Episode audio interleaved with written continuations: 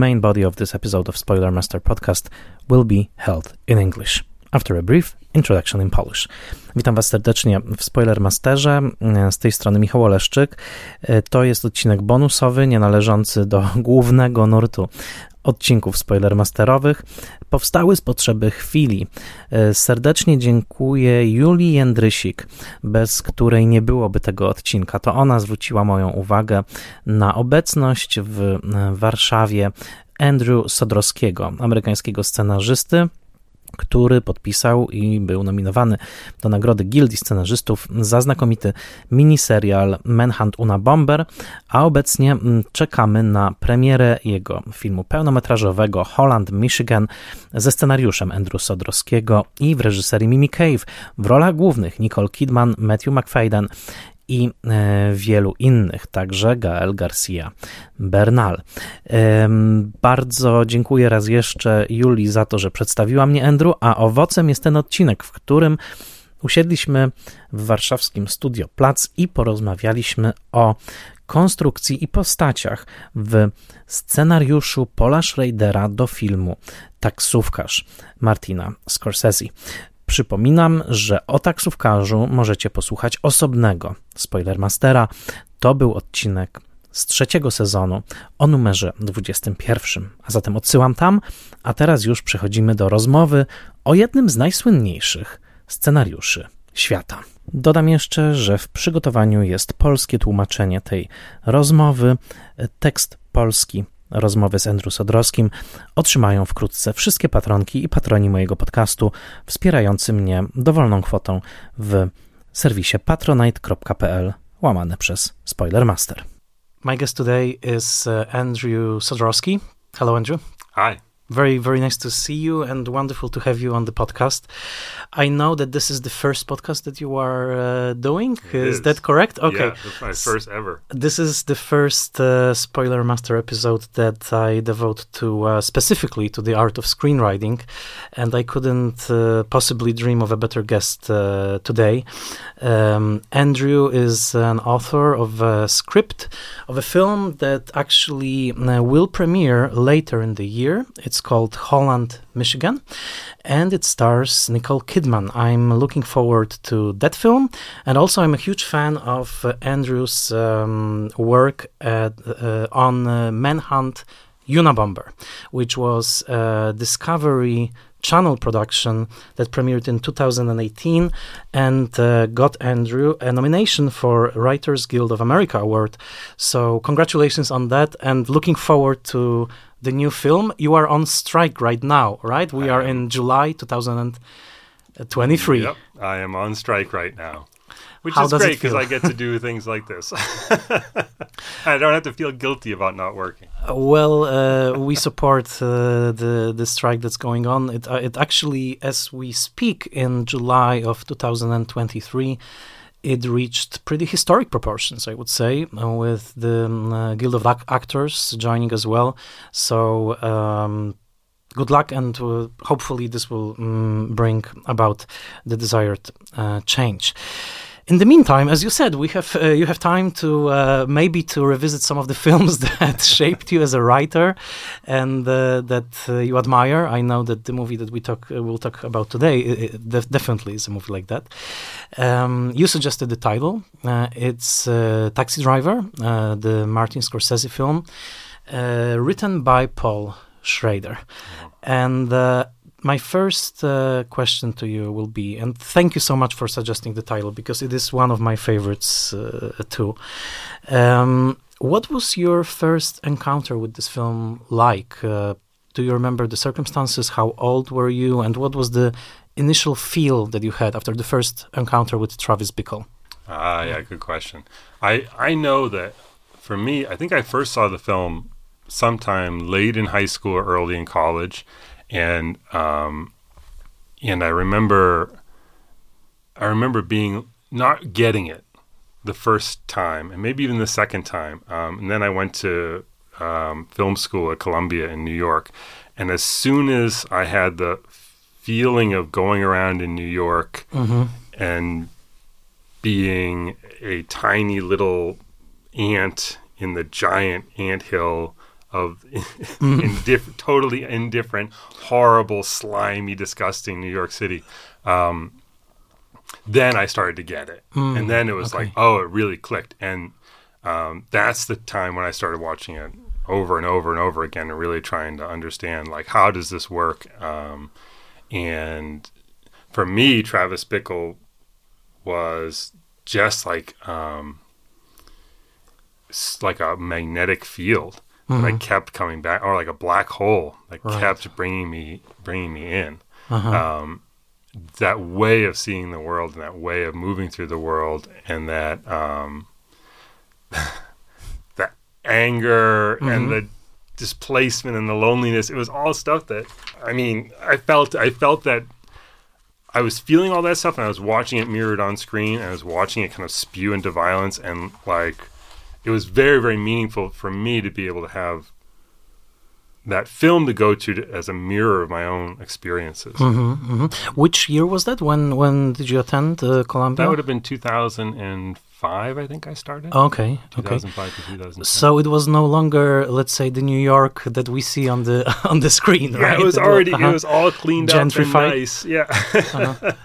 but, the feeling, I don't know, for whatever reason, the inner landscape of that New York for me was very much there. Like Right. the alienation and the kind of grime of it um, was there. Okay, okay.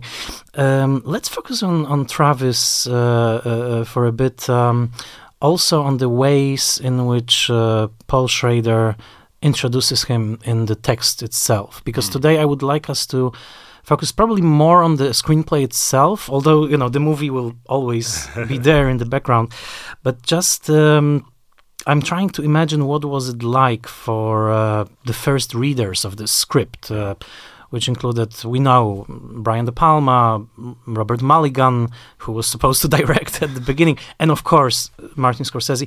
What was what was it like for them to grasp this character for the for the first time?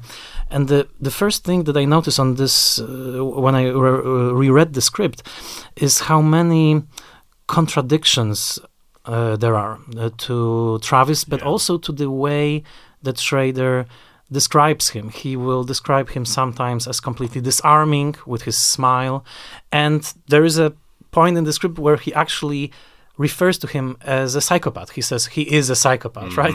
So there, there are those very, very contradictory, different uh, words and um, ways of describing uh, uh, Travis.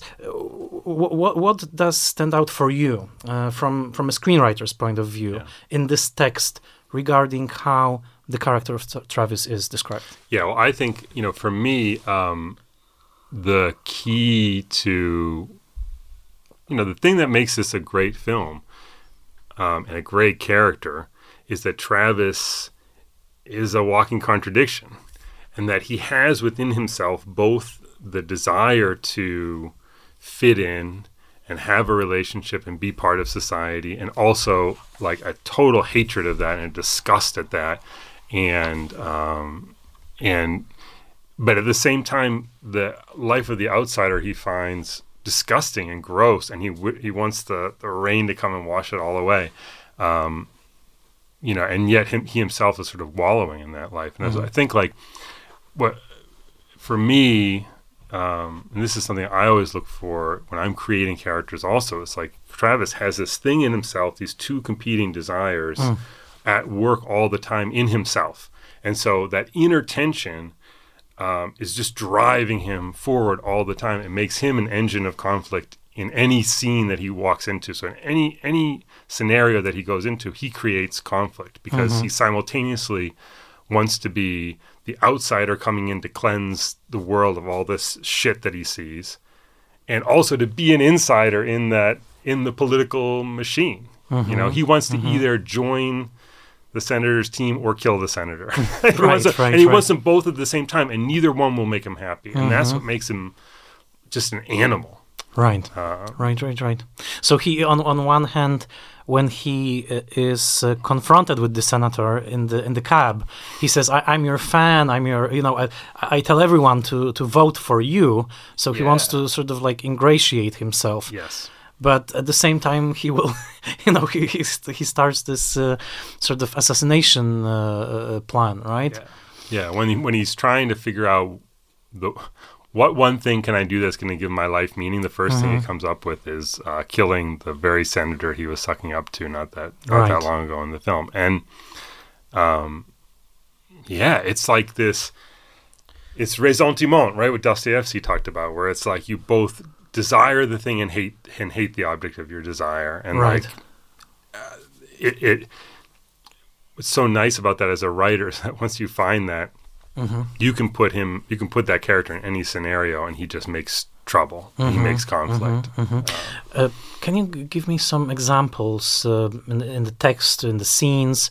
Um, I'm thinking of, of small details like like behavior or or relationship that that Travis has to his surroundings or objects.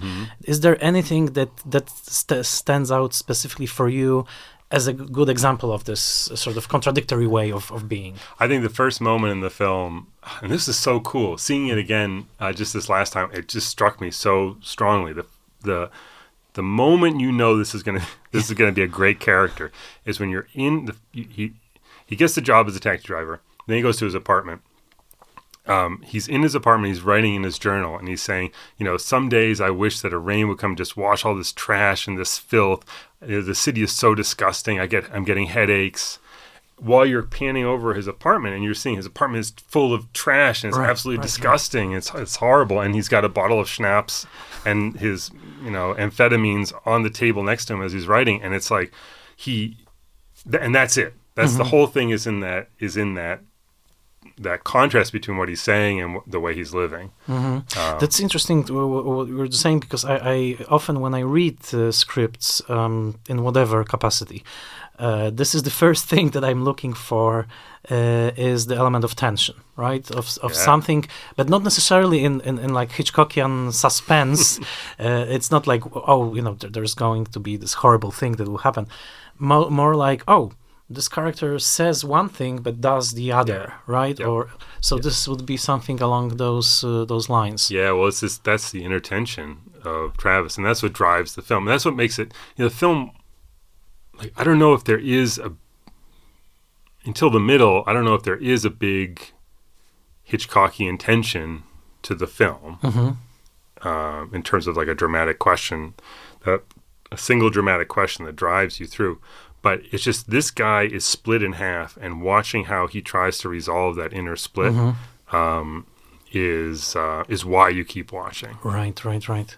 I think the split also translates nicely into this uh, sort of his day life and his night life. You know, like Yeah. that that he's a different creature in the daylight and a different creature in uh, you know during during the night because the, the guy that Betsy sees when, when when he finally introduces himself at the Palantine office is a presentable young man, uh, even a little bit charming, as, as as Schrader, you know, says here in the in the script.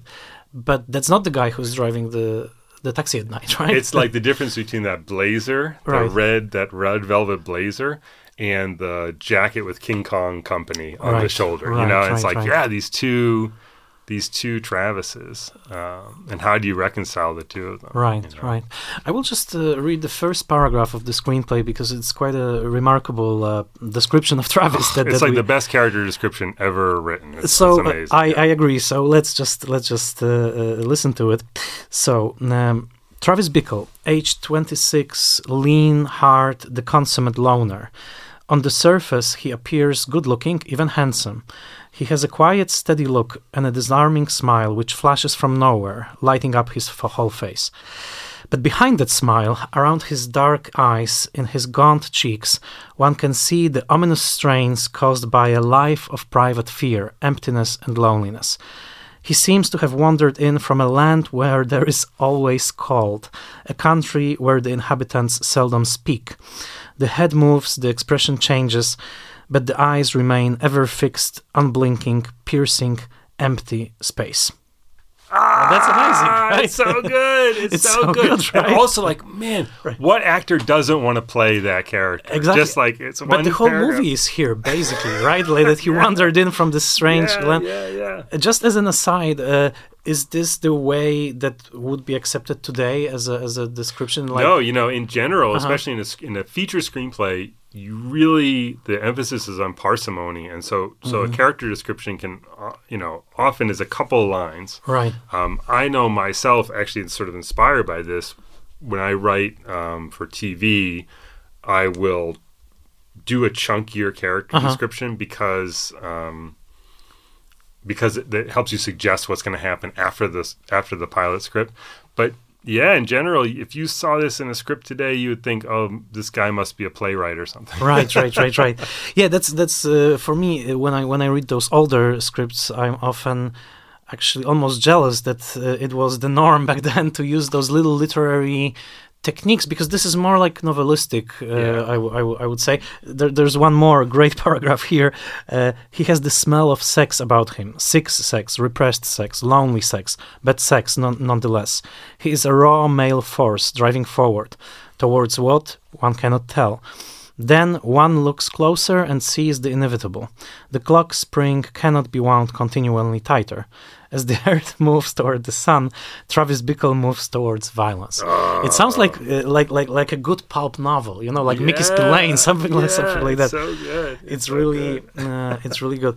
Um, do you have any um, favorite moments where um, Travis interacts with other people, like specific scenes that you just you know could rewatch uh, many times? You know what? Um, okay, so this last time seeing it, I was struck again by what has what has always been my favorite shot in the in the movie. Um, so when Travis first first walks into the Palantine office um, to talk to Betsy, he sort of screwed up his courage. He goes in there and they kind of play around, they dance around, and then he finally gets down to what the scene is really about when he says, "I think you're a lonely person." And I look at you and I see you talking with all these people. I see all these people around you, and I look at you and I see that you're you're a lonely person. You're you're a lonely person, and I look at all of this, and he gestures with his hand, and, and he means all of this on your desk. All all these phones means nothing to you, and the that moment the camera pops kind of up looking down at the at the desk um, in a way that's not sourced it's not like because it's kind of straight down and it's not and Travis is over on the left corner of the shot it's not sourced from Travis's point mm-hmm, of view mm-hmm. or from Betsy's point of view. It's kind of objectively it's an, it's a weirdly objective shot and it's a crazy strange brilliant shot. Um, and because it's kind of objectively just down all the mm-hmm. stuff on the desk and his hand like moving across it that's the moment you realize that oh like this isn't just travis's view of this desk. Mm-hmm. It's her view of the desk too and it's mm-hmm. actually what he's saying is true. Mm-hmm. And then you come back down and we're and, and um and that's the moment he's broken through to her. And and just that turn in the scene when you know Travis stops playing around and gets real with her and she suddenly realizes he sees something in me that none of these other people see um, it's just it's totally for me that's a it's just an exhilarating exhilarating moment Uh, that's fascinating. Uh, th- I think there are several shots like that. At least more, one more. I, th- I think where we see a surface. Uh, I, I- I think that happens also in the uh, taxi cab office at the beginning, but but that sort of aligns our view of the world with Travis's, yeah uh, which is. On one, on the one hand, it's very sly on Scorsese's part because he, you know, he puts us in his, in his head. But this also brings me to this fascinating conundrum of this film because Travis, on in so many ways, is a scary, repugnant character, Yeah. right? Somebody that we wouldn't like to spend time with, like Yes. uh, on, under no circumstances. Yeah. Uh, possibly someone that we have spent some time with, maybe in a taxi. You know, like we don't mm-hmm. know, right? we, we don't know. Mm-hmm. But but but but on a on a, even a you know closer look, he's very very disturbed and disturbing, and yet.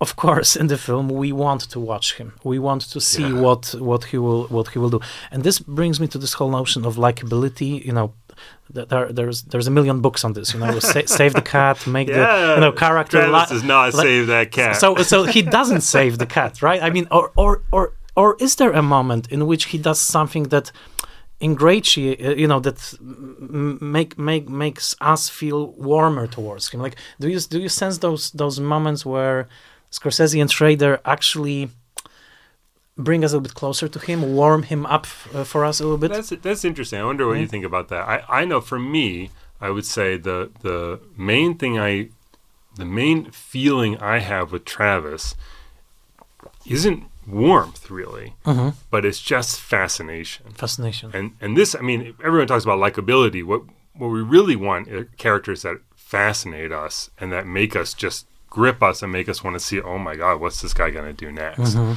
Um, it's we don't have to like him to just be fascinated by um, by the trajectory of this asteroid that's going to collide with something, and we know it's Mhm. going to collide with something, and and how is that going to play out? Right, right, Um, right. I do also think, though, that you know, one of the beautiful things about the about the film is the kind of documentary aspect of it that you really are seeing like New York in the '70s. And it's horrible, and so when Travis is driving through this New York, you're seeing the reality, and I think my reaction when I see that New York is, yeah, this is disgusting. Like, yes, clean this up. Yes, I want that flood to come in, the rain to come in, and just wash all this Mhm. scum away.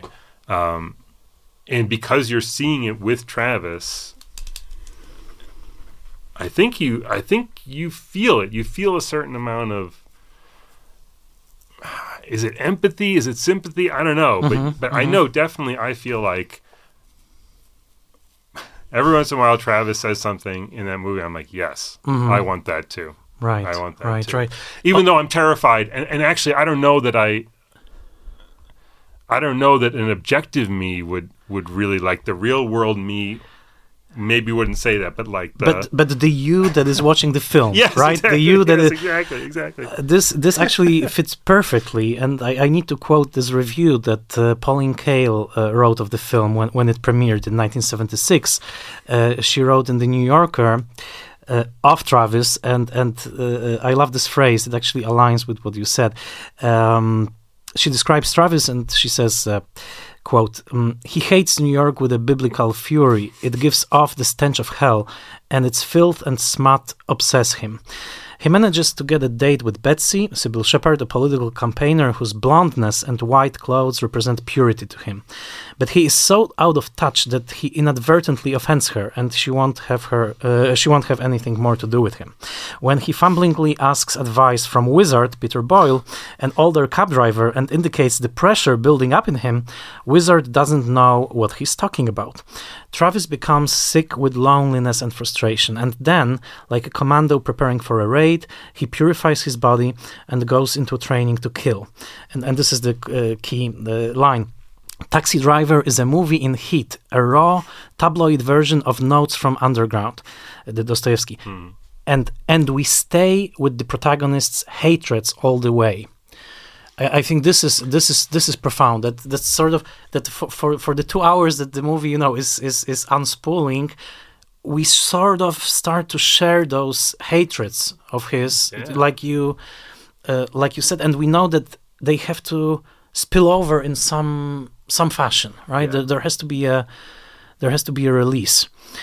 Um, speaking of, of of release and tension, where would you say that the quote unquote uh, plot or suspense really starts? Like where where is this sort of like first uh, question or the dramatic question or indication that you know this this this may happen? You know this this this violence may happen. Where for you this threat of violence like actually uh, begins? That's a great question. I have a theory, but I want I, I I'm curious what you will say. I have one theory. I mean, I there are these there are little moments throughout the whole first 40 minutes of the Hmm. film suggesting the kind of vi- the capacity of violence in the world and um and also these moments where Travis feels like he's getting close to he's getting close to um confronting other people. But you know, I think it's not it's really for me that moment when he he's being Betsy won't return his calls. He goes back into the office to try to win her back or to, to yell at her.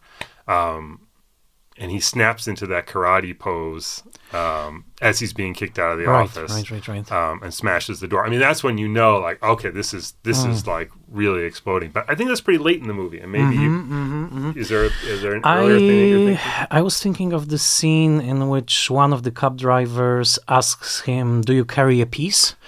When he when he asks him about the gun, because that's uh, uh, actually Travis says that some other cab driver had his ear cu- cut off Yeah, by by by a passenger, and then so do you carry a piece?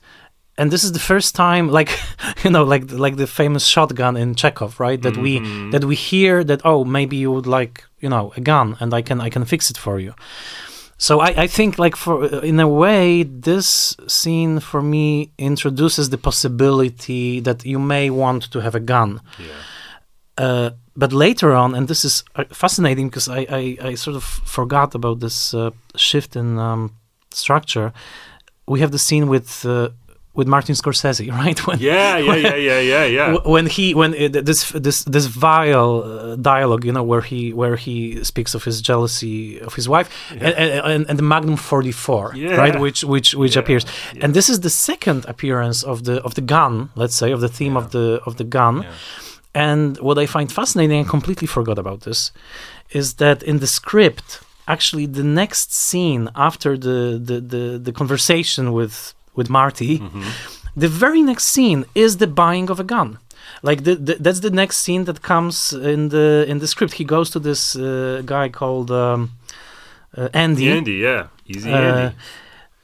Yeah, I mean, the, yeah, it's the, exactly the easy, easy Andy, uh, and and it's almost like you know, it's it's almost like a cause and effect. So Yeah, yeah, he yeah. mentions the uh, you know Magnum forty four, Yeah. and Travis immediately goes to buy goes to buy the gun, which which isn't the order in the in the film. Actually, he buys the gun much uh, much later, Well, it's only it's a little bit later. a little bit later, right? What right. happens in the film though between the Uh-huh. scene with Scorsese and the buying of the gun? There's a little bit of something. Uh, there's and it's it's a very important song. I actually wrote it down. Uh, right after the um, Martin Scorsese scene, let's say the Magnum 44 scene, we jump to a scene that is much much later in the script, which is the conversation with the wizard, uh, where he you know where he says that you Oh, know yeah, there's this. Uh, great, great. Oh, so and good. he says, wizard says to him, and this is not in the script. Funny thing, he says you should get laid, which is not in the script. he, he says it in the in the movie, and then we come back to Iris. This moment when he pu- when he pulls on the brakes, Yes. and we see Iris yes, for the yes, second time, Yes, yes, yes. Yes. And then he buys the gun. That's so good. So so for me, I mean, this is probably the biggest mm, change from the from the script because uh, in the script, Iris actually, I, I, for her first appearance, is uh, much later. Like she's, uh, wait a second. Mm, yeah, for the first time, I think she's after the conversation with Palantine. In the script, we have the conversation about Magnum, and then immediately buying of the gun. And in the film, it's almost like buying of the gun is the di- direct um, consequence of seeing Iris again. Yeah, it's interesting because you know this time I really, this time it really struck me that it's it's interesting because um, that you say that I didn't know that's how it was in the script. This Mm-hmm. time that I saw it, it really struck me the clarity of that line Yeah. between Betsy rejects him. He's at home with all these flowers, and the scent of the flowers is making me ill. I think I have stomach cancer. Yeah. It's like I hate. He's obsessed with Betsy. He wants to either either have Betsy or kill Betsy. Then, have you seen what a 44 Magnum will do to a woman's face? Right. Um. And then, how about you, asking Andy, "Do you have a 44 Magnum?" Right. And it's interesting that that they put the scene with Wizard in between there because it actually suggests like you like that guy way more than you do the guy who hears Scorsese in the back and then goes out to buy a gun because it suggests that Travis is trying to find another way. He's Right. trying to he's he's exhausting all his options before he goes out to buy the gun. Yeah, And I didn't, I didn't think about very it. likable, you know. I didn't think about it. It's, it's uh, that's true. I mean, it's not that- very likable, but it's Well, you know, it you like it more than than the guy who like who hears like Scorsese and then goes out and buys a gun. The guy who hears Scorsese and is like, "Hey, I got problems. Maybe the wisest person I know can help me," and he's got nothing. Right. And right. then he's got then he sees then to see Iris in there is so good too because it's like in the in the mix of that psychology and then and then there's the buying of the guns you know I uh, I didn't think about it, but I think I completely agree. And the kicker is that in the screenplay, the conversation with the wizard actually uh, comes right after he kills the guy in the deli. So so this is Oh. actually post immediately. It's actually the next scene. Um, so he's already a killer. And actually, when I was reading the script, because this time I first reread it and then I rewatched the film, I was reading the script and I felt like because you know he just killed the, the guy at the deli, and then Charlie T, this this other uh, cab driver, greets him and says "Hiya, killer," in the script, and I felt like, does he know that he killed the guy? Like what? Right, But um, by moving the scene to you know to way earlier in the film, as you mentioned, this uh, you know "Hiya, killer" is still there, but it's almost it's just like a joke. You know, it's it's yeah, uh, yeah, yeah, yeah. uh, it's no no longer um, confusing. that's great Um, But what about that scene in the deli? What's so great about the scene in the deli is Mm-hmm. that like he sees what's happening. The old Travis would have just ignored it. right. And you see him in the store thinking, I should just ignore this. And then just then he's like, No, wait, I'm the new Travis. Right. And going in there and doing something really noble and good. or doing something like almost like that that, that, that would be called uh, uh, noble in the world of the western which which i guess you know you know what i mean? Yeah, like the yeah, searchers yeah, right? that that he you know sure. there's there's this there's this uh, danger right? And he reacts with a gun Yes. the way a western hero would react right? And uh, actually it's it's funny because uh, quentin tarantino who mm, a big fan of the film he wrote in his book called cinema speculation uh, that the whole film is a variation on the searchers where you know the basically with de niro as this sort of a john wayne character who wants to save uh, uh, jodie foster Uh-huh. the way john wayne wanted to quote unquote save natalie wood from uh, mm, native americans in in uh, the searchers and and I guess in a way, Travis does live in a black and white world like that, right? Or, or, uh, does he live a west in a western, or don't does he live in in, in, in, in in the Old Testament? like, what, what is his like? Well, point of maybe reference? it's maybe it's a little bit of both. You know, Mm-hmm. maybe it's there's a version of Travis who wants to be calling down the plagues upon Right, evil right, right. Egypt, and there's a version of Travis that wants to be, um, you know, wants to be the lawman in the Wild West. Mm-hmm. you know, but I, I don't know if it's quite fair to say that Travis is. I don't think Travis is John Wayne. Actually, I Mm-hmm. think Travis doesn't know if he's John. Travis is like. Travis is like he wants to be John Wayne, but he's not in a Western world. His world isn't a Western world. Right. His world is so gray, and he is so he's so caught up in the filth of it that like John Wayne comes. John Wayne doesn't go to porno theaters all night every night. John Wayne doesn't live so much in that seedy world that the only place he can bring a date yeah, is to a porno theater.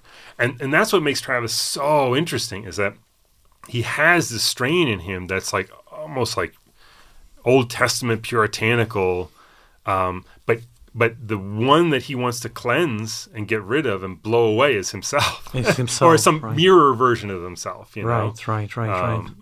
That, that that that gets literalized at the end when he puts fingers to, to his yeah, yeah, forehead yeah, and he- exactly. he, No, mimics exactly, exactly, exactly. Because he's trying to destroy himself, right?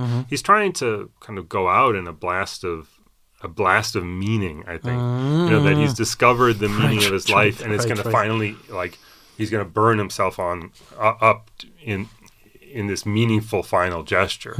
Um, Ha- uh, I just thought of something um, that I think that part of this. Um, I don't say I don't want to say warming up to, to Travis, but but the way that we feel for him, despite everything that he does, is that Schrader and Scorsese are very smart in playing the uh, quote unquote class differences or the class card between Travis and Betsy Yeah. and Tom, who who is by the, the, the weirdest casting ever. Like I always like, what does Albert Brooks do- in a in a Martin Scorsese film? But I but, but I think there is this sort of class contempt that the Totally. that the character of Tom definitely has for for for the likes of Travis and Travis. I, I think Betsy shares in that a little a little bit. I was struck by the phrase in the script when um, Schrader introduces Tom and uh, and Betsy through Travis's eyes, of course, and he says, uh, "These are America's chosen youth: healthy, energetic, well-groomed, attractive."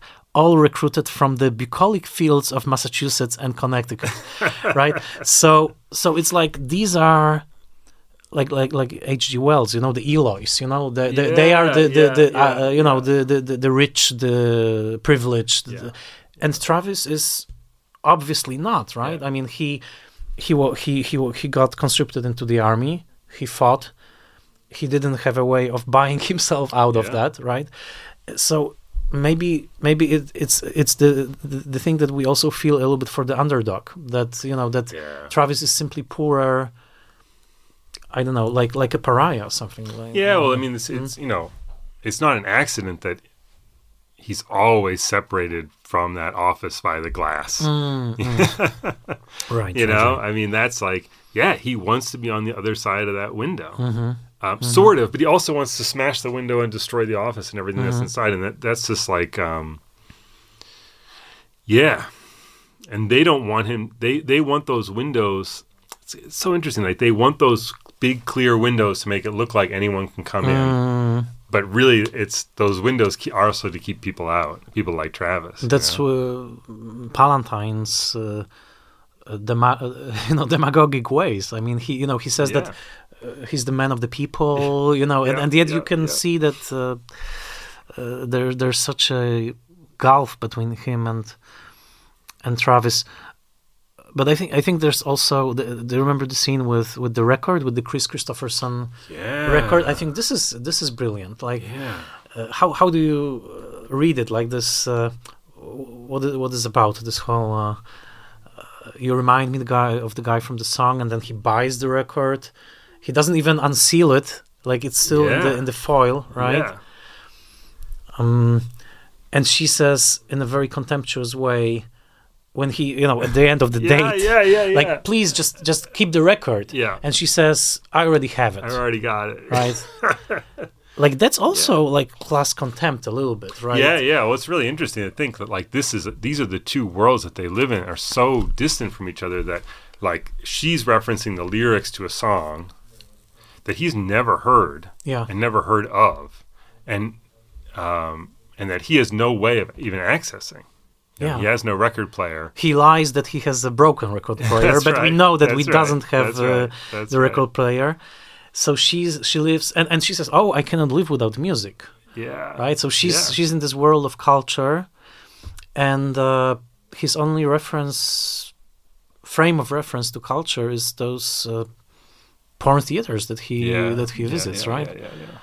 and and he takes her i guess to the one that's a tiny bit more respectable than the Yeah, it than the nicer others than the one that, where they don't Yeah. have uh, chuckles or jujubes. yeah yeah yeah yeah um what about the character of tom like what that, that, i have to say i love this movie i think it's a masterpiece but i always wonder about the casting of albert brooks yeah, this I- like it's it's a wha- what's- big hiccup for me. Uh-huh. Always, I, I also every time um, it feels a little strange. But Uh-huh. part of that though is that um, is that scene, the first scene with Tom and Betsy.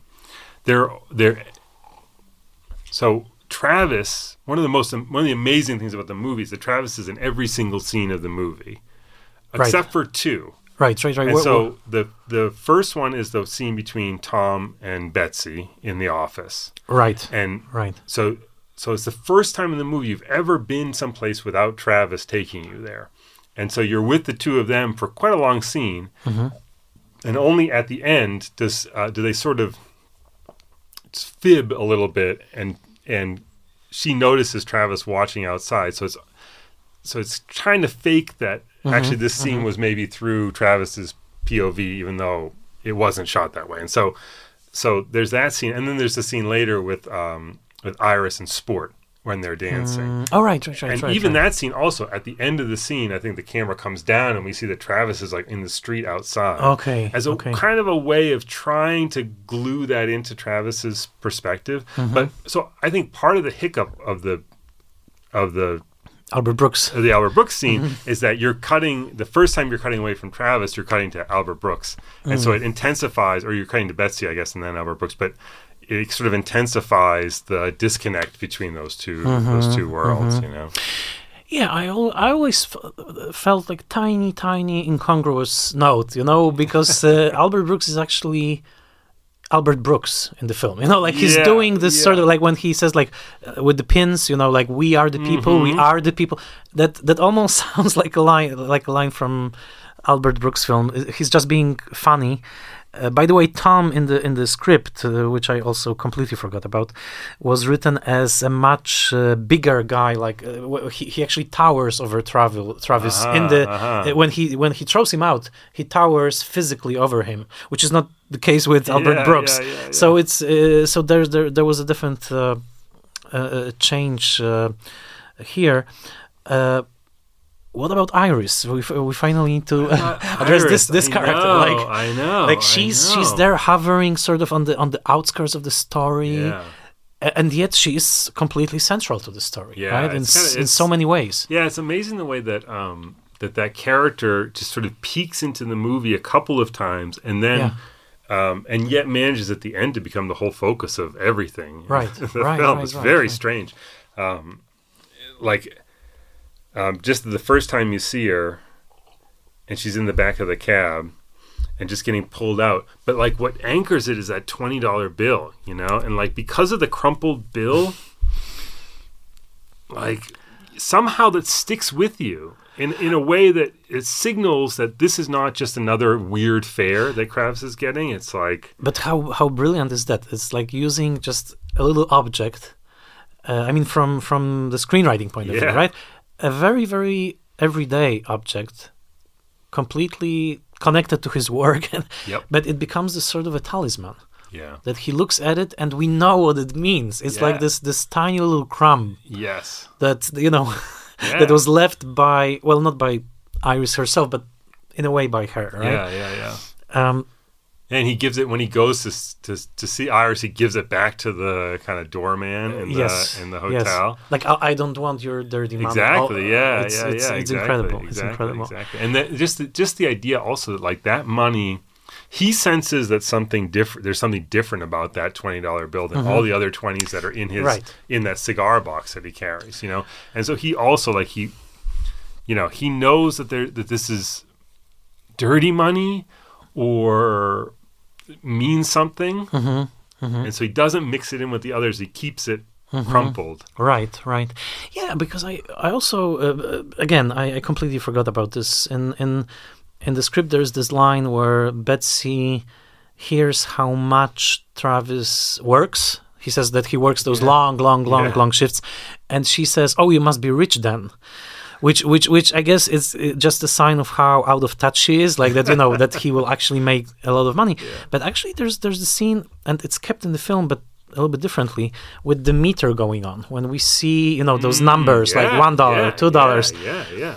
and i don't know what it meant for scorsese like for him probably it was just cool visually but on some level i think it's also about this sort of I hate to, to, to use those big words, but about capitalism, you know, like that basically Yeah. every person that enters this taxi is translated into money in a in a in a in a in I- a strange I way. found, you know, it's interesting you say that because the last this last time I was seeing it, I Mm. sort of noticed this really for the first time that, like, in a sense, you know, all of Travis's interactions are mediated by money. Like he's By a money. Mm-hmm. guy he he interacts with people in the back of the cab because they pay him for this, and that's and.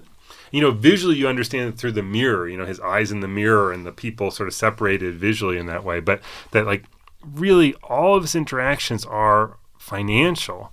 Um, like he only ever sees people if it's mediated by money and that's what's so interesting about that that dollar bill is that that's the first time that there's this money but he's not accepting that as like a payment for his uh, for his social interaction. Totally, you know? totally. That's I, I didn't think about this. Yeah. And then yeah. Iris, of course, and then then of course when he goes to Iris and that transaction, just to get to Iris, he's got to pay.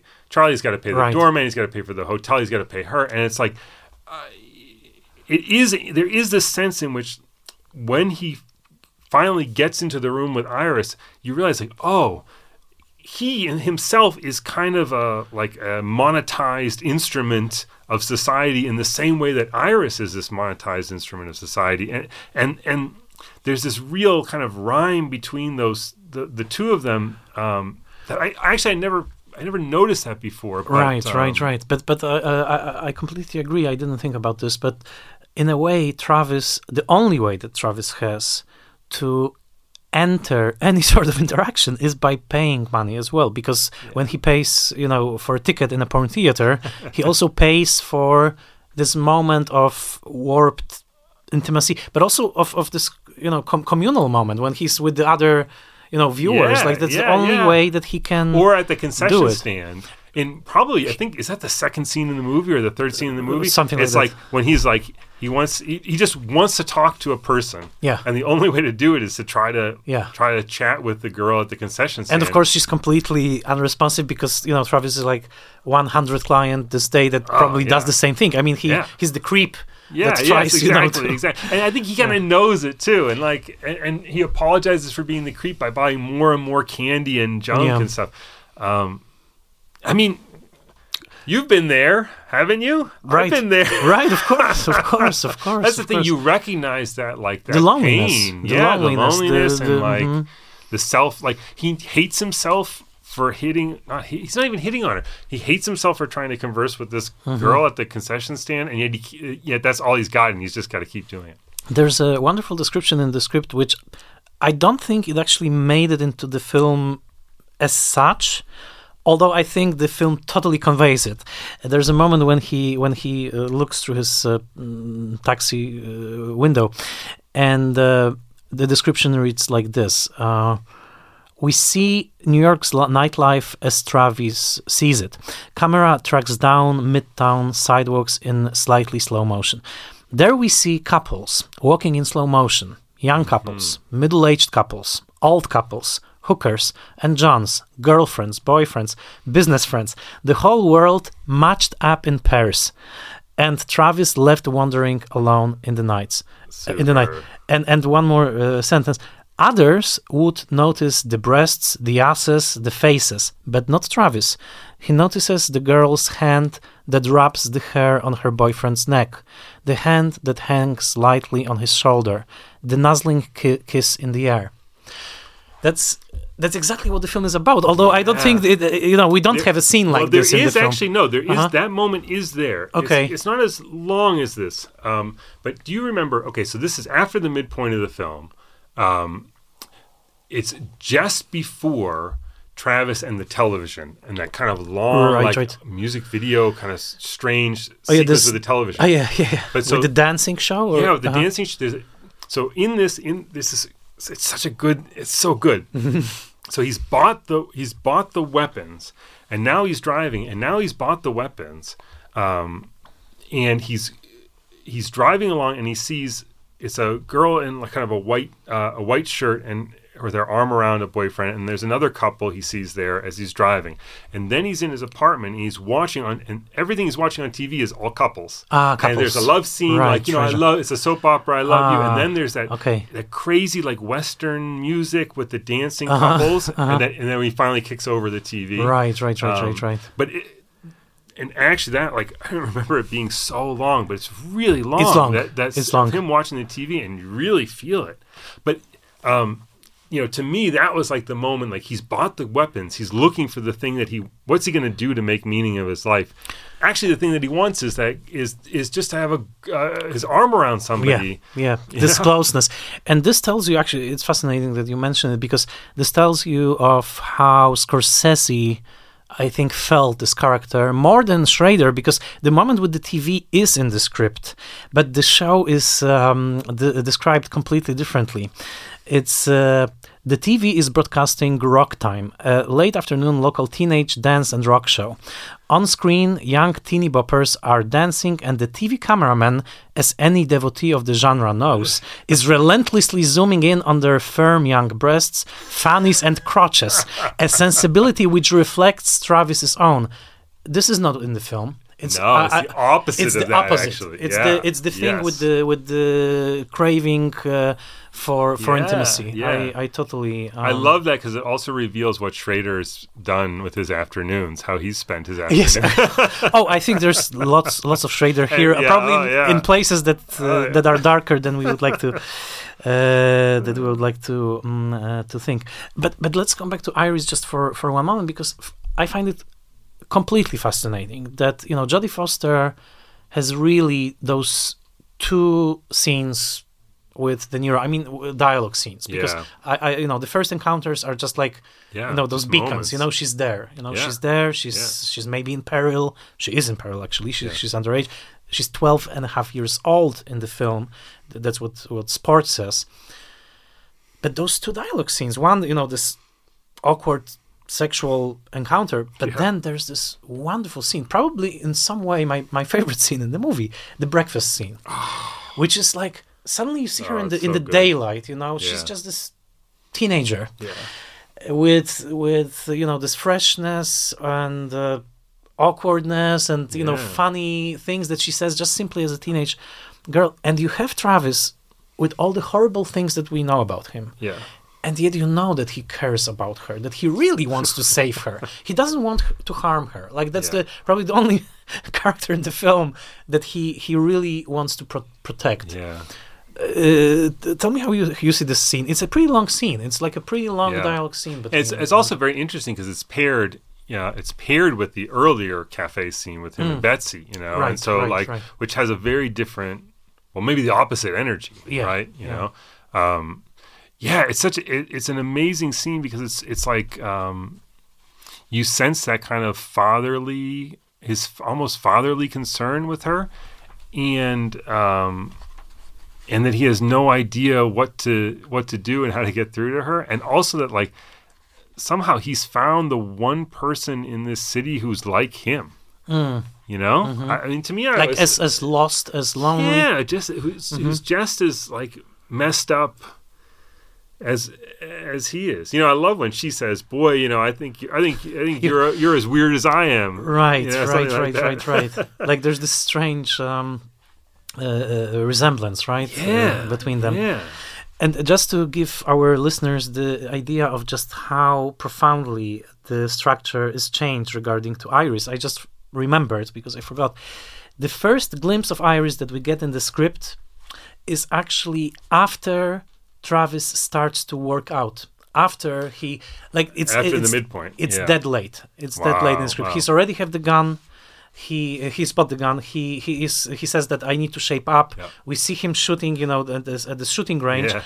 and then the next scene is the first the twenty dollar bill. So that's pretty Oh, that's wow. pretty late. Oh, interesting. Yeah. That's very late. Well, that, because because Yeah. the, the buying of the guns is right in the middle of the film. Yeah. It's really at, the exact midpoint, and so Right, yeah, so right, that's right. that's that's late. So That's I, late. I have no idea. But you know, it's very one point- brave. It's a very brave thing to introduce that character so early in the film and trust that the viewer is going to remember her. Remember her, you know, even with that other hit just before the midpoint, which is just a moment. right? Trust that we're going to remember her enough to follow that thread through the movie. Well, the, the, the bill uh, helps us with this, right? Yes, the twenty dollar bill. Yeah, like, it does, it That's the talisman Yeah, that sort of carries exactly, us uh, carries yeah. us through.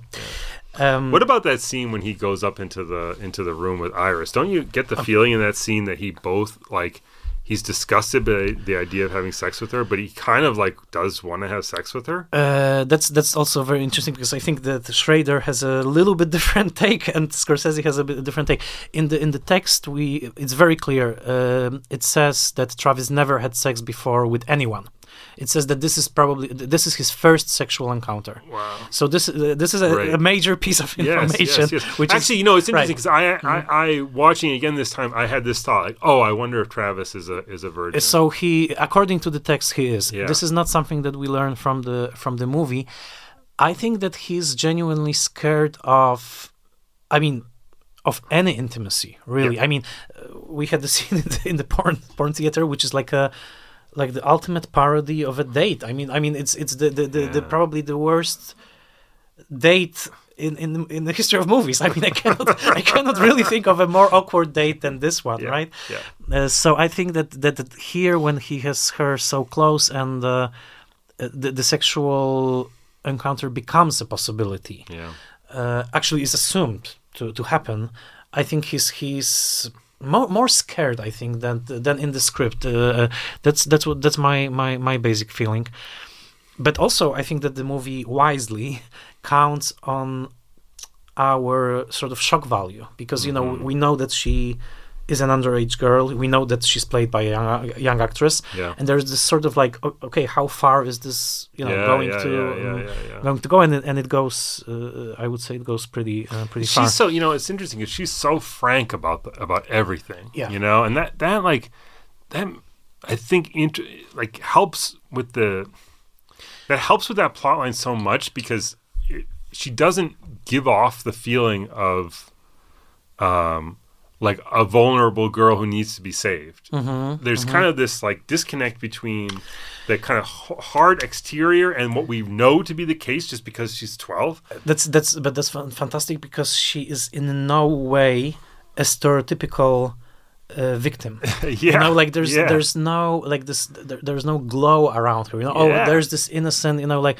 no, we. I mean, we know that she has been violated, and we know that you know her life is completely, you know, off the tracks Yeah, and stuff. yeah. But and but she's not sentimentalized as this yeah frail creature, you know, which w- w- which which would be the case in this sort of pre-modern Dickensian world, you know, where Mhm. we had you know like sure. those the waif yeah the waves you know and and uh, and all those girls you know uh, also victims of, of, of you know of, of male violence but but but they were always impeccably pure angelic and sentimentalized and here she's vulgar. She's yeah.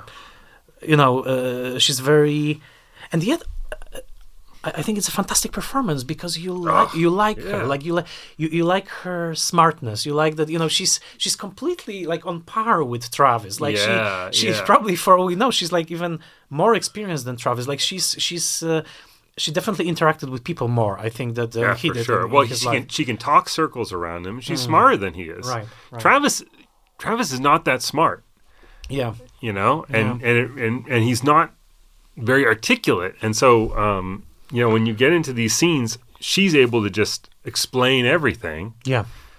And Travis struggles to to explain to her like what he's seeing, which is that like this is this is wrong, you know. Yeah.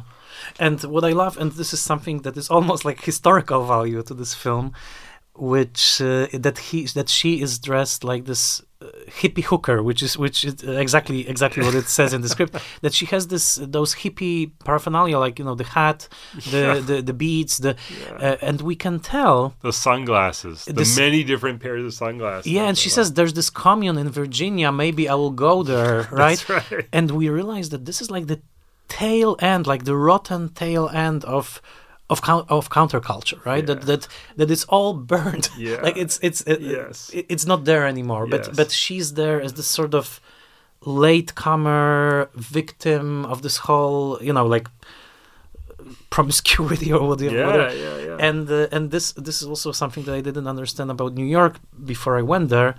That actually Travis travels the whole length of, of the of the of the island of Manhattan because she's in Lower East Side, yeah, Tompkins Park, Yeah. the hippie area, Yeah.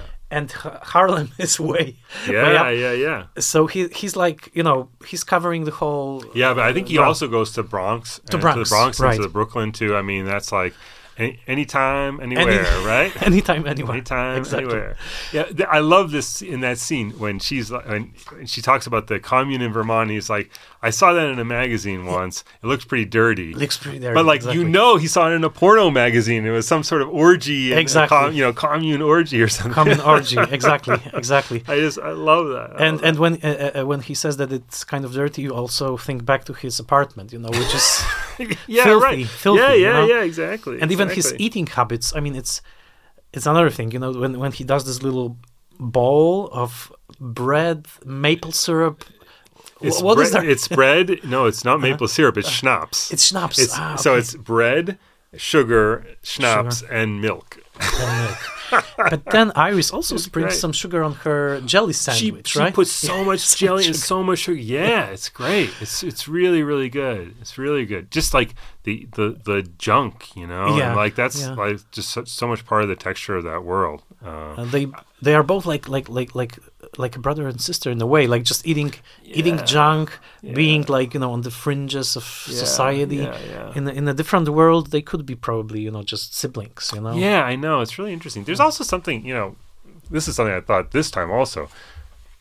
The, the fact that um, Travis, that, that De Niro is so handsome Mm. and that Jodie Foster is so beautiful. Um, you know, also Cybill Shepherd, Cybill too. Shepherd, yeah. Like, that, just like, we don't think about this very often because it seems so like um, pedestrian. Mm-hmm. But the fact that Travis Bickle is really, really good looking is part of what makes this movie work. Absolutely. it's just like we want to look at his face. Absolutely. You know, partly because he's a he's the acting is amazing, partly because he's just handsome. And the, the when Jodie Foster is so beautiful and so fresh that um, you know, just visually, you immediately have the sense that Travis doesn't really belong in this world because he's too good looking for this world, and she's too Right, good looking to be in this right, world. right. You know, and this is something that's also in the script, like uh, said many times that you know he can light up the room with his smile. Yeah. That there is this sexual like energy to him. yeah, yeah. So, and they are the, the the prettiest people in the movie. I mean, you know, no no no no one else in the movie looks as good as um, as them. I will just read a brief sentence from the um, from the uh, Quentin Tarantino book, uh, Cinema Speculation, in which he fantasizes another version of Taxi Driver, directed by uh, by Brian De Palma, who actually read the script first and he considered making the film, but then he he passed it on to mm, to Marty uh, Martin Scorsese. Uh, okay, so this is this is Quentin Tarantino quote. Uh, I think it's entirely doubtful De Palma would have emphas- empathized with Travis Bickle the way Schrader does and the way Scorsese and De Niro did. When with the film Martin Scorsese made, when you watch Taxi Driver, you become Travis Bickle. Mm-hmm. Regardless of whether or not you empathize or sympathize with the rituals of Travis's existence, you observe them. And in observing them, you come to understand them. And when you understand this lonely man, he stops being a monster, if he ever was one to begin with. Scorsese, Schrader, and De Niro make you witness a man from that man's perspective. I'd speculate when Brian De Palma first read Schrader's manuscript, he didn't see it as a first person diary dream that uh, Schrader intended. I'd bet De Palma's first reaction would have been along the lines of, "Oh, great! This can be my repulsion."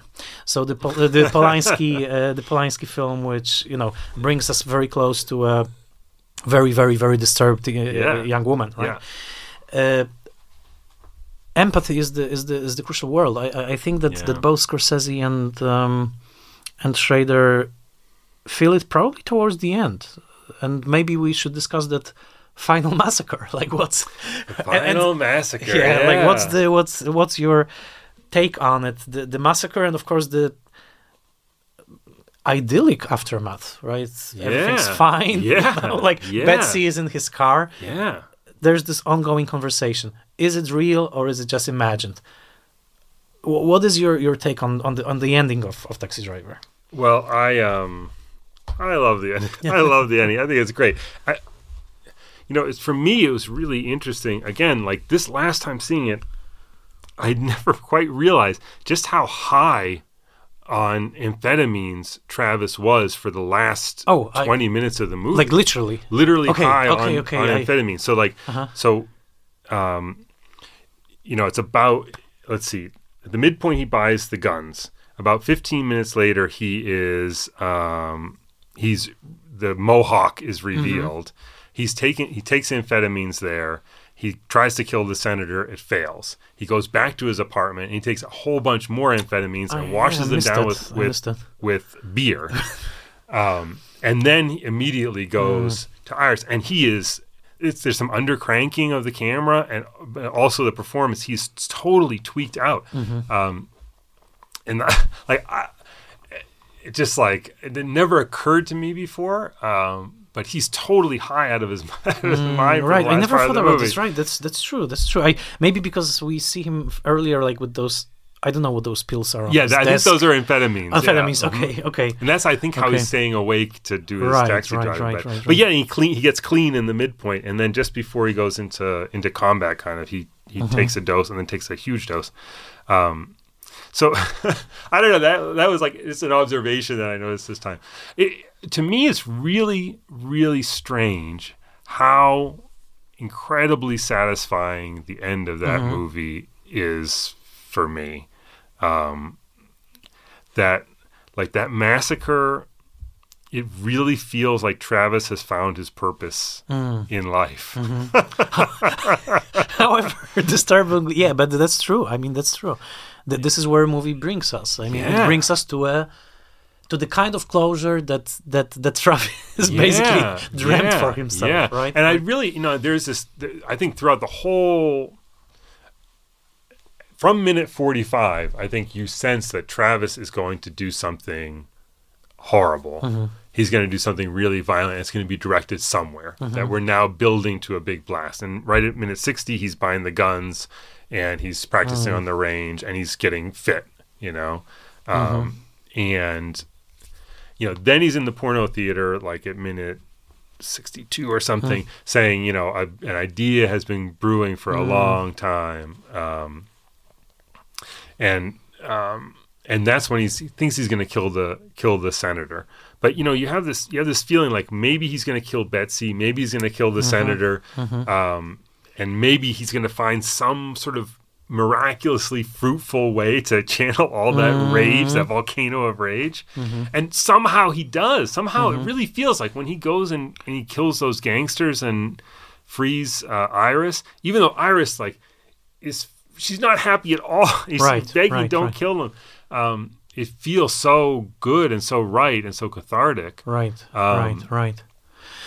It's the it gives you this sort of feeling of of of justing, justice has been done. You know, like that that you know you basically it's it's almost like well in in, in De Palma's. Uh, the Untouchables, you know, when Eliot Ness finally Yeah. pushes that guy off the roof, Yeah. you know, who you know threatened his family Yeah. and stuff. yeah You feel satisfied. I mean, this is exactly what this. but you know this is a little but- bit different because different, yeah, because there's no there's no connection between Charlie and Travis. Like you know th- those those pimps right, right, right, aren't right. threatening Travis in any way. They have nothing against. right. He has no no relationship with them really. They, they they are only uh, actors in his own morality play. yeah, you know, I guess that so. he, yeah, that he yeah, concocted. yeah. But like, Yeah. Mm-hmm. um, and yet somehow it, it works. It's really. Um, But you know what's? I, I never thought about this. Uh, uh, maybe, maybe this is uh, you know a good um, thing to, like t- towards the conclusion.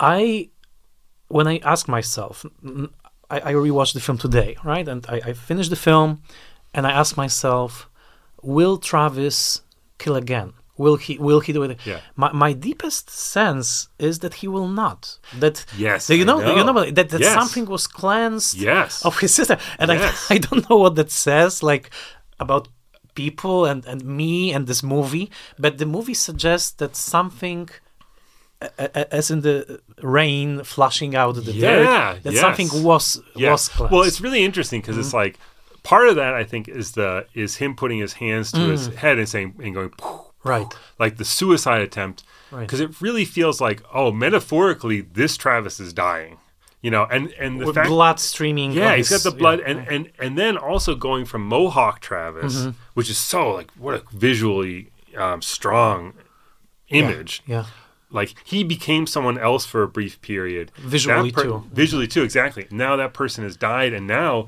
like there's a he's kind of reborn as a normal Robert De. Niro. as Robert De Niro Right, yeah right, right. and and that scene with Betsy at the end um man I this time this time watching it through Uh-huh. I I got that scene I think really for the first time and Uh-huh. really like um I think it's totally amazing that you know Betsy in that in that rear view mirror we sense that she still wants Travis she still Mm. needs Travis Mm-hmm. and that and when Travis doesn't charge her Mm-hmm. and you realize like she's got nothing on him he's Right. like he is um the tables have been turned in a sense. Like right, right. at the beginning of the movie, Betsy represented everything that he wanted, and he was a supplicant. Right, You know, going there to right. beg her to go have coffee with him. Right. You know, sending flowers and sending flowers. And now at the end, we have the sense of a man who has Self-possessed. yeah, exactly. Mm-hmm. He doesn't need anything from her anymore. He doesn't really need anything from the world anymore. Mm-hmm. Um, like the, de- the demon has been cleansed, Mm-hmm. and um, That's very Dostoevskian, I, I guess, in, in some yeah, yeah, in yeah. some fashion.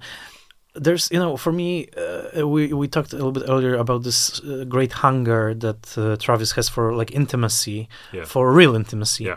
um, and uh, we talked briefly before we started this about the conversation, the film by by, by Coppola. yeah, we could do another episode just about that but uh, but there's this uh, I, I think this uh, on on deepest level both unites harry caul and travis and differs and it also is the difference that they both crave this intimacy yeah. there's this moment when when harry uh, flashes back to this tiny little moment when cindy williams touches uh, the forehead of frederick forrest Mhm. uh, uh, fixing his glasses or something. Very tender little gesture, and this is the gesture that Harry remembers the most uh, about this whole Yeah, conversation. Yeah.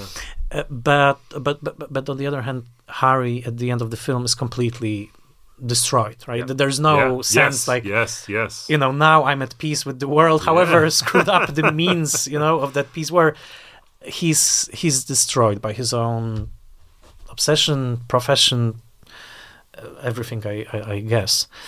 Um, I have one more That's, I think I think Yeah. what you're saying is that Taxi Driver is a really happy, a happy movie. but I'm very- scared by what I'm saying. Like, what, what am I saying? Like, what is? What, Well, uh, yeah, yeah, that's it's very interesting. I, you know, I, I was thinking also Uh-huh. about you know Schrader um, and his sort of history as a film professor, I guess, or Mm-hmm. Yeah. a film student, and and those the films of Bresson and those Oh, other yeah. sort of transcendental films where where it really like the they stay very flat.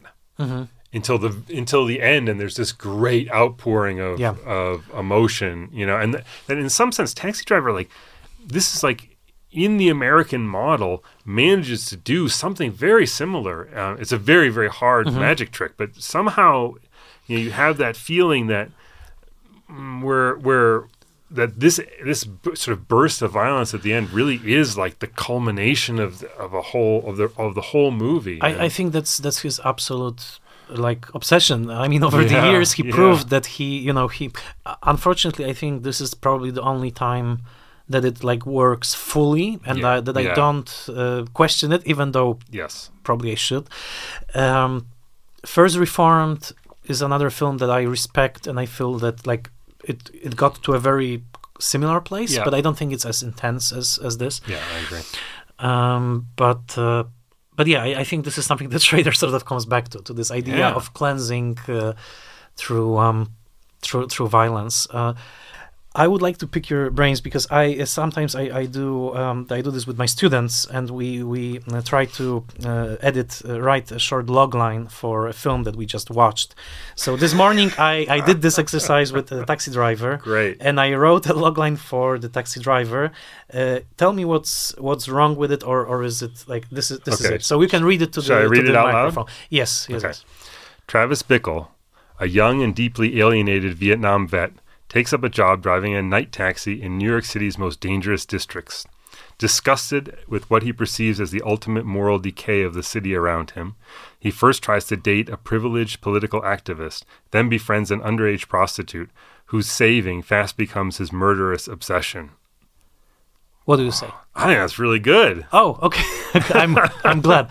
Well, what would you say? That like uh, is Hmm. um. What's what's the most important thing when you prepare a logline to, to, to, to, to sell your story? And this is I hope that you know our conversations will be uh, listened to by young screenwriters and people who are trying. What's the what's the main objective when you prepare a logline for your Well, stories? I would say, um, you know, with any kind of with any kind of pitch or any try, any kind of story, um, the most important thing is knowing who is your who is your main character right. and um, and what what is he or she trying to trying to do. um, what is what is the what is the the quest Right, or the goal for the for the film? Right. You know? So uh, you, we could switch emphasis in, in a text like this to something else, like violence, for example, you think, or the problem with Taxi Driver Mhm. is that Travis. What is Travis going for? right, right, right, right. I don't know. I mean, well, I do know. I mean, he's trying to find meaning in his Meaning, life. right, You know, right. he's trying to he's trying to convince himself that he that he exists Mm. and that his life Tough sell. can be meaningful. right, right, right. Yeah. I mean, um, you know, probably today what you this would be like uh, you'd say a um, a deeply felt indie about uh, an alienated cab driver and the dark world that he inhabits, Okay. and you would it would be very specialty fare. Okay, so you need to like like target the specific audience and say Yeah. that this will be like a specialty. yes interest. yes Okay, yes okay, i okay. think so i think so because there are still films like this being made um, but they're not big budget and they're not released like taxi drivers i mean what's kind of amazing is that everyone went to the theater to see taxi Mm. Right, driver right, right. That it was the movie of the moment, right? Yeah. Which, yeah, this this part. I mean, I can imagine this film being written. I can imagine this film being made. I cannot imagine this film saturating Yeah. the culture the way that yeah, that taxi yeah. driver or making making a star out of this star. out of this main character. right, I don't, right. you know, I don't. Yeah, it's hard to it's hard to imagine. It's hard to imagine. Uh, Andrew, this was a pleasure. It was fa- fa- fa- fantastic experience for me, and thank you so much for for uh, agreeing to to oh, do this. for me too. This is awesome. This is so So- great. This is my first ever podcast, and so this is a uh, what a great what a great first experience. Uh, Thank you so much, and uh, we all uh, keep our fingers crossed for um, for the strike and for the conclusion of it. Thank it, you. Yeah. and uh, hopefully very soon um, the members of uh, your guild will be back at their. I was about to say typewriters. it's no longer yeah, ty- typewriter. Yeah, uh, sure. and you will be creating wonderful stories for for all of us. Uh, this uh, was a pleasure and an honor. Thank you so much, and hopefully uh, see you soon. Thank you. Thank this you. is great.